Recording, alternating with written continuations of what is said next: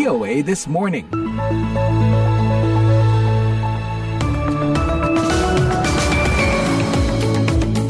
Halo, selamat pagi. VOA This Morning kembali menyapa Anda pagi ini live dari Studio 17 VOA di Washington DC bersama saya Rifan Dwi Astono. Apa kabar menjelang weekend di hari Jumat tanggal 14 Juli 2023 sambil menyiapkan rencana berakhir pekan? Seperti biasa, redaksi VOA sudah menyiapkan serangkaian berita hangat dari Indonesia dan mancanegara. Di antaranya, di Jakarta, Menteri Luar Negeri Amerika Serikat Anthony Blinken bertemu rekan-rekannya di ASEAN dan melangsungkan pertemuan dengan Menlu Tiongkok untuk membahas isu Myanmar dan agresi Beijing di Laut Cina Selatan. What China's hoping to do is, is ensure that the junta can, can stay in power and, and um, you know, they're, they're essentially worried about this instability and they're worried about the U.S. and the region. ASEAN dan Republik Rakyat Tiongkok menyepakati panduan untuk mempercepat perundingan kode etik atau Code of Conduct di Laut Cina Selatan. We want China to be a staunch ASEAN partner in maintaining an open and inclusive regional architecture. Pendengar, jangan lupa siaran ini juga dapat Anda simak secara live streaming di situs kami www.voaindonesia.com atau dengarkan kapan saja melalui podcast VOA This Morning di platform podcast langganan Anda. Sekarang kita simak dulu berita dunia bersama Puspita Sariwati. Pendengar Presiden Korea Selatan Yoon Suk Yeol mengatakan ia dan Presiden Polandia menyetujui rencana Polandia membeli tambahan senjata dari Korea Selatan. Kesepakatan dicapai dalam pertemuan puncak di Warsawa hari Kamis. Kedua negara tahun lalu mencapai kesepakatan pembelian senjata 13,7 miliar dolar, kesepakatan terbesar bagi Seoul. Polandia membeli pasokan persenjataan Korea Selatan yang mencakup peluncur, roket, dan jet-jet tempur. Pada pertemuannya dengan Presiden Polandia Andrzej Duda hari Kamis, Yun menyambut baik perluasan hubungan bilateral dalam bidang strategis, termasuk kekuatan nuklir dan pertahanan. Duda mengatakan, kami berharap tidak hanya membeli untuk tentara kami, alutsista baru yang diproduksi di Korea Selatan, tetapi juga yang akan diproduksi di Polandia, kata Duda. Presiden Turki Recep Tayyip Erdogan melawat ke negara-negara Teluk Arab minggu depan dalam upaya terbarunya meningkatkan hubungan di seluruh wilayah. Setelah bertahun-tahun tegang, awal bulan ini Turki memulihkan hubungan diplomatik penuh dengan Mesir dan upaya pemulihan hubungan itu berlanjut dengan Israel. Pekan depan, Presiden Erdogan memulai lawatannya ke Uni Emirat Arab yang pemimpinnya pernah ia tuduh berusaha menggulingkannya. Turki sangat membutuhkan dana dengan ekonomi negaranya yang sedang labil. Maka lawatan itu merupakan langkah terbaru dalam upaya pemulihan hubungan Ankara ke seluruh wilayah. Soli Ozel, pengajar hubungan internasional di Universitas Kadir Has Istanbul, mengatakan, The first visit by the new economy minister, Mr. Shimshek, was to the Gulf countries. Kunjungan pertama Menteri Ekonomi baru Mehmet Simsek ke negara-negara Teluk karena Turki sangat membutuhkan uang untuk membangun ekonominya. Desas-desusnya mungkin investasi bernilai 25 miliar dolar telah dirundingkan sebelumnya, katanya. Abdul El Fattah tidak populer di kalangan tokoh keagamaan Erdogan. Beberapa analis mengatakan pemimpin Turki itu harus menunggu berlalunya pemilu presiden pada bulan Mei untuk meningkatkan upaya pemulihan hubungan dengan Mesir.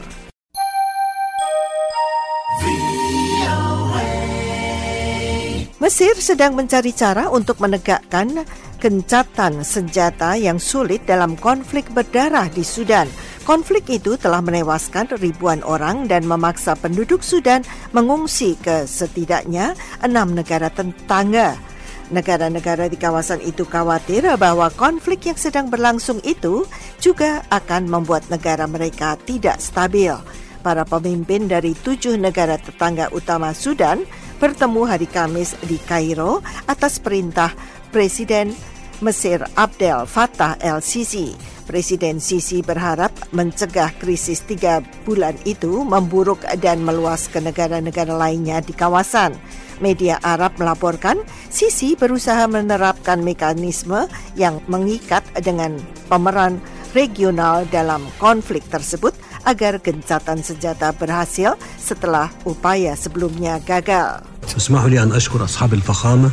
اسمحوا لي أن أشكر أصحاب الفخامة رؤساء الدول والحكومات He says that he thanks the heads of state and heads of government for their Tujuh remarks to the tetangga Sudan adalah yang paling terkena dampak konflik ini dan harus menyatukan upaya dan sikap politik mereka untuk menyelesaikan masalah, ujar LCC.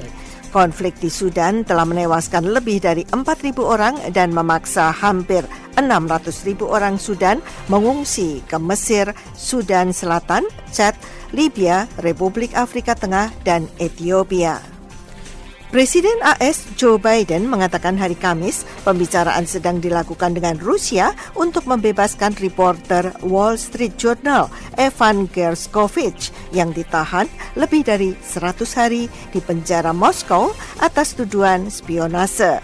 Tuduhan itu ia bantah. Kremlin awal bulan ini mengatakan pihaknya terbuka untuk pertukaran tahanan lain dengan AS yang akan membebaskan Gerskovich, mungkin dengan imbalan Vladimir Dunaev, seorang Rusia yang ditahan AS atas tuduhan kejahatan dunia maya. Namun Moskow mengatakan perundingan itu harus dilakukan dengan rahasia. Sekian berita dunia, Puspita Sariwati, VOA, Washington.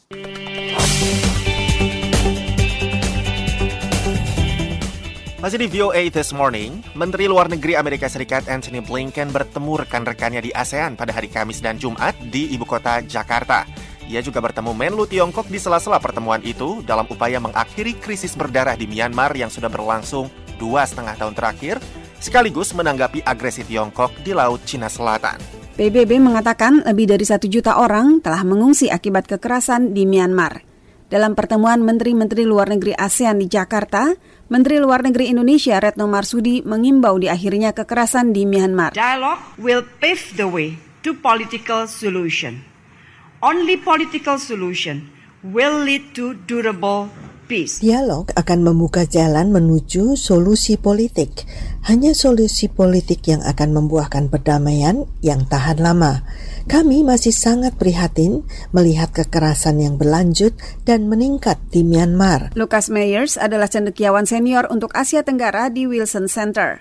Kepada VOA, ia mengatakan bahwa sikap negara-negara anggota ASEAN terpecah mengenai apakah mereka perlu menghadapi junta militer Myanmar dan bagaimana caranya. Ia menambahkan bahwa dalam beberapa bulan ini, Tiongkok telah meningkatkan dukungannya terhadap junta militer. And so, hoping to do is is ensure that the junta can can stay in power and and um, you know they're they're essentially worried about this instability and they're worried about the U.S. in the region. Jadi apa yang diharapkan Tiongkok adalah memastikan junta bisa tetap berkuasa. Mereka pada dasarnya khawatir akan ketidakstabilan ini. Mereka khawatir akan kehadiran Amerika di wilayah tersebut. Di sela-sela pertemuan, Blinken Kamis bertemu Wang Yi, Direktur Kantor Komisi Urusan Luar Negeri Komite Sentral Partai Komunis Tiongkok. Seorang pejabat mengungkapkan, Blinken mengangkat kasus peretasan situs web pemerintah Amerika yang dilaporkan minggu ini oleh Microsoft. Pelakunya, kata Microsoft, adalah orang dari Tiongkok, motifnya spionase. Blinken menegaskan bahwa tindakan apa saja yang menarget pemerintah, perusahaan, dan warga negara Amerika merupakan keprihatinan yang mendalam bagi kami. Kami akan mengambil tindakan yang tepat untuk mengadili mereka yang bertanggung jawab, kata pejabat itu tanpa menyebut nama. Blinken, kata pejabat itu, tidak sampai menuduh Tiongkok terlibat. Departemen Luar Negeri secara terbuka hanya mengatakan bahwa mereka sedang menyelidiki peretasan yang menurut Microsoft memengaruhi sekitar 25 organisasi. Juru bicara Departemen Luar Negeri Matthew Miller menyebut pembicaraan di Jakarta terbuka dan konstruktif dan bagian dari upaya mengelola persaingan secara bertanggung jawab antara dua ekonomi terbesar dunia. Karlina Amkas, VOA, Washington.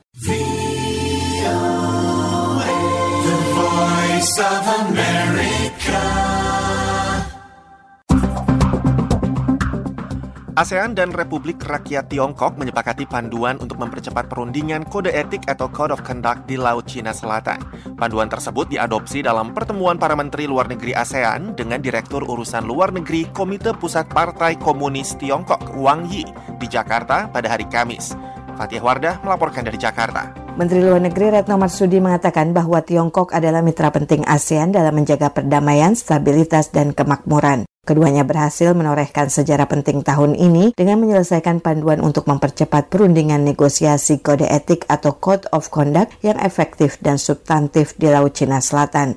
Hal ini sedianya terus dilanjutkan tambah Retno untuk menciptakan momentum positif guna mempererat kemitraan yang memajukan paradigma inklusivitas dan keterbukaan, menghormati hukum internasional termasuk UNCLOS 1982, dan mendorong kebiasaan dialog dan kolaborasi. We want China to be a staunch ASEAN partner in maintaining an open and inclusive regional architecture. Kami ingin Tiongkok menjadi mitra ASEAN yang substantif dalam memelihara sebuah arsitektur kawasan yang terbuka dan inklusif. Hanya melalui cara itu, kita bisa memperoleh kerjasama yang saling menguntungkan bagi perdamaian, kestabilan, dan kesejahteraan bersama, tambah Retno. Tiongkok adalah mitra dagang terbesar ASEAN dan sebaliknya ASEAN juga merupakan mitra dagang terbesar Tiongkok. Perdagangan keduanya mencapai 975 miliar US dollar.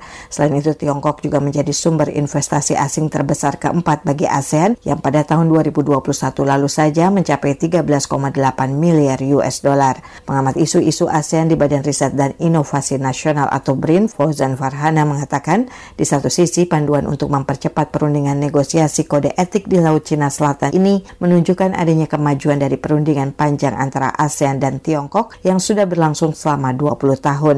Namun di sisi lain, panduan ini dapat juga dilihat sebagai perpanjangan waktu semata yang belum tentu mempercepat tercapainya kode etik yang disepakati.